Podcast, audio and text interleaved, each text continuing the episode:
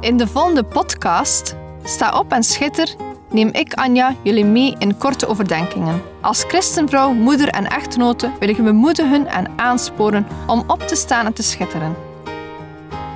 We zijn niet gemaakt om in Gods koninkrijk stil te zitten en niets te doen, maar om op te staan en dienstbaar te zijn. In de eerste plaats over God, daarna over ons gezin, onze partner of onze geloofsgenoten. En als gevolg zullen we dan ook schitteren in de wereld. Neem je Bijbel bij de hand, want zonder Bijbel zijn we als een kok zonder eten of een zanger zonder stem. Dus luister naar, sta op en schitter.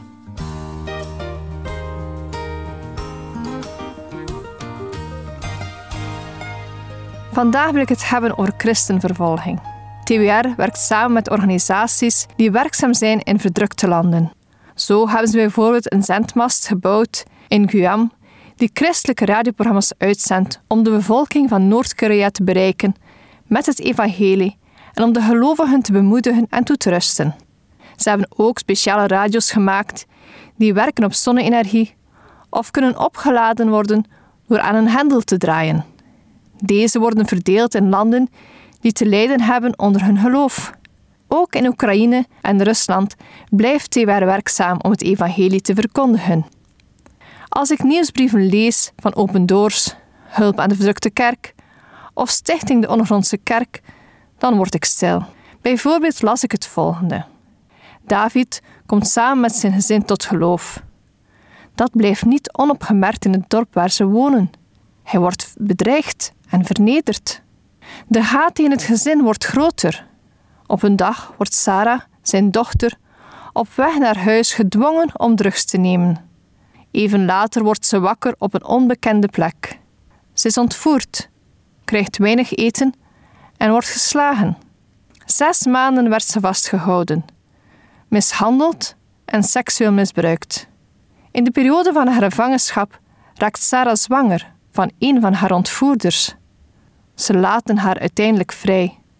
Ze krijgt een zoon en besluit hem Daniel te noemen. Ondanks de traumatische ervaringen is ze niet verbitterd. Sarah is vastbesloten om het evangelie te blijven delen in haar omgeving. Ik weet soms niet goed wat ik met dat nieuws moet doen. Het maakt me verdrietig, hulpeloos, maar ook wel eens boos. In onze kerk komen er vaak vluchtelingen. En ook hun verhalen zijn schokkend. Ik weet nooit wat te zeggen tegen iemand die gemarteld en gevlucht is omwille van zijn geloof. Woorden als verbijsterend afschuwelijk en verschrikkelijk schiet tekort. Het is sowieso een gevoel dat me regelmatig overvalt bij berichten over christenvervolging. Het is afschuwelijk. Maar wat kan en moet ik ermee? Juist voor de zomervakantie kwam iemand van Open Doors spreken in onze kerk over christenvervolging. Ik werd terug geconfronteerd met mijn eigen leven. We hebben het hier in ons land zo goed. België doet er alles aan om niet te discrimineren. Alles mag en kan. Of toch niet? Voor mij ligt alles zo dubbel. In ons land is er niet zo'n duidelijke christenvervolging als in Noord-Korea of Afghanistan. Nee, daar doet ons land niet aan mee. Wat ze wel doen is beetje bij beetje geloof weghalen uit de grondwet en uit onze scholen. Hoe vaak lees je niet een artikel met als hoofdding religie hoort niet thuis in het onderwijs. Het is en blijft een moeilijke kwestie. Gelukkig mogen we tot op de dag van deze opname zeggen dat wij ons geloof nog vrij mogen beleven. Wel ja, vrij. In vergelijking met de verdrukte kerken. We mogen ons geloof beleven binnen de lijnen van de staat. We mogen nog een Bijbel in huis hebben en naar de kerk gaan. We mogen nog steeds vrij spreken over ons geloof. Maar als ik eerlijk ben, dan ga ik mijn woorden steeds afwegen bij het maken van een podcast. We mogen dus zeggen dat wij geen zware christenvervolging hebben, maar wel verandering zien in het beleven van ons geloof. Ondanks de veranderingen mogen we dankbaar zijn voor onze vrijheid en daar dan ook gebruik van maken. Als je stilstaat bij christenvervolging, dan ga je dankbaarder omgaan met Bijbelstudies, bidstonden, kerkdiensten en je Bijbel. Ik las onlangs een getuigenis van een christenvrouw die leefde in China. Een land waar christenen openlijk vervolgd worden. Zij bidt voor de christenen in het Westen. Ja, ze bidt voor ons. Ze ziet hoe de onzichtbare machten van Satan ons proberen te vangen met rijkdom, macht en eer. Ze bidt voor het Westen, omdat Satan bezig is in onze kerken. Ze ziet dat het Westen een leven leidt zonder Christus. Zo'n uitspraken doen je nadenken. Wij, die alle vrijheid bezitten, zijn eigenlijk op een andere manier gevangen dan iemand die in vervolging leeft. De vervolgde christenen zijn een voorbeeld van volharding. Ik stelde mezelf de vraag: wat kan ik doen voor christenen die lijden?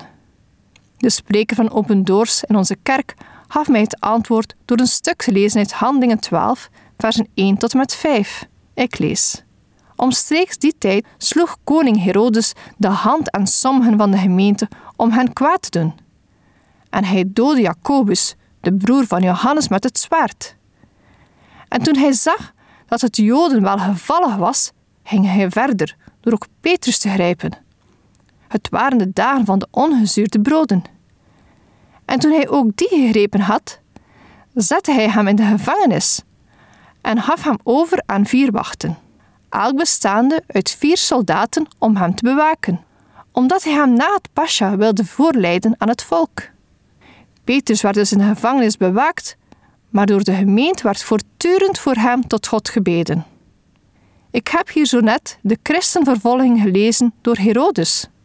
Herodes haatte de christenen omdat ze een andere koning eerden.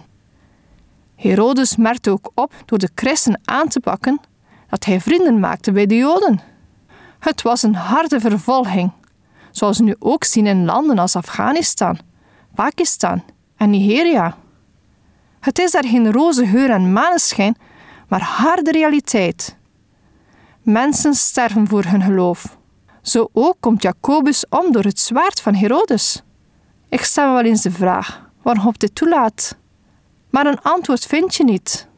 Het is een troost om te weten dat hun harde leven hier op aarde ingeruild is voor een beter leven bij God. Petrus komt er beter vanaf dan Jacobus. We lezen in vers 5.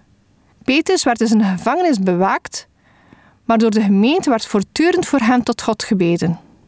Daar lees ik het antwoord op mijn vraag. Wat kan ik doen voor christenen die vervolgd worden om hun geloof en zwaar lijden te verduren hebben? Bidden. Het eerste wat de kerkgemeenschap doet is bidden.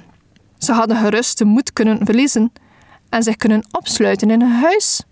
Ze hadden zichzelf kunnen vullen met zelfbeklag en verdriet. Ze hadden zo net iets verschrikkelijks meegemaakt. Jacobus was vermoord en Petrus zat in de gevangenis. Wat daar gebeurd was, is niet niets. Ze kozen bewust om te gaan bidden.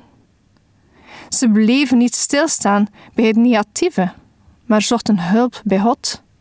Ik vraag mij af hoe ik zou reageren als op zondagmorgen het leger de kerk zou binnenstormen en ze één broeder zouden doden en één gevangen zouden nemen. Zou ik bidden? Of zou ik vol van angst vluchten en mij in afzondering verschuilen?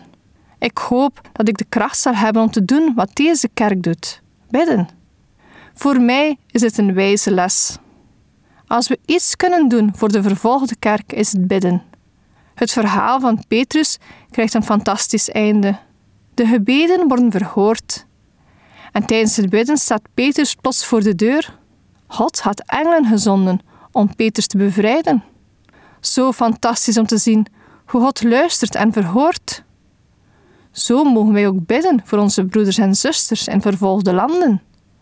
Bidden dat ze Gods aanwezigheid mogen ervaren. Dat ze Gods troost zullen ontvangen wanneer hun familieleden worden gedood, verwond of gevangen gezet vanwege hun getuigenis. We mogen bidden dat ze de mogelijkheden krijgen om het evangelie te delen en dan ook de moed hebben om naar Jezus te wijzen. Ze hebben ons gebed zo hard nodig. Hun lijden is zo erg. En ik hoop terwijl wij bidden dat we ten volle mogen beseffen hoe gelukkig wij zijn. Wij hebben nog steeds die vrijheid. Hoe ga jij om met jouw vrijheid? Ga je steeds naar de kerk, bidstonden en bijbelstudies? Spreek je nog steeds vrij uit over je geloof en wat Jezus voor jou gedaan heeft? Als we stilstaan bij vervolging, mogen we ook stilstaan bij de vrijheid. Wat vandaag als vanzelfsprekend is, kan morgen zomaar van je afgenomen worden. Op de website van Stichting de Ondergrondse Kerk staat een vraag en antwoord van vervolgd christen die hard aankomt. De vraag is waarom God toelaat dat wij hier zo worden vervolgd. En het antwoord uit de mond van een vervolgd christen is: om jullie in de vrije wereld te leren wat radicaal geloof is. De tranen lopen langs mijn gezicht als ik dit lees. Hoe radicaal zijn wij hier in het Westen nog? Hoe radicaal ben ik? Ze zijn niet alleen radicaal, maar ook volhardend voor de zaak van Jezus. Elke dag betalen Jezus' volgelingen in de vervolgde landen een hoge prijs voor het volharden in hun geloof. Ze doorstaan hevige vijandschap, uitsluiting door familie en vrienden en lijden onvoorstelbare verliezen omdat ze weigeren Jezus te verloochenen. Ze staan vast in hun toewijding aan Jezus en volgen hem vastberaden. Als wij spreken over volharding, dan is het niets vergeleken wat die christenen moeten meemaken en hun volharding. Dus gebed is een kleine opdracht. Onze broeders en zusters in de vervolgde landen hebben ons nodig. Dus sta op en bid voor de vervolgde broeder en zuster. Deze podcast kun je steeds opnieuw beluisteren via de website en app van twr.be. Als je deze aflevering leuk vond en je wilt de podcast helpen ondersteunen, deel hem dan met anderen. Heb je gebed nodig of wil je reageren op deze uitzending? Zend dan gerust een mailtje naar anja.twr.be. Bedankt voor het luisteren.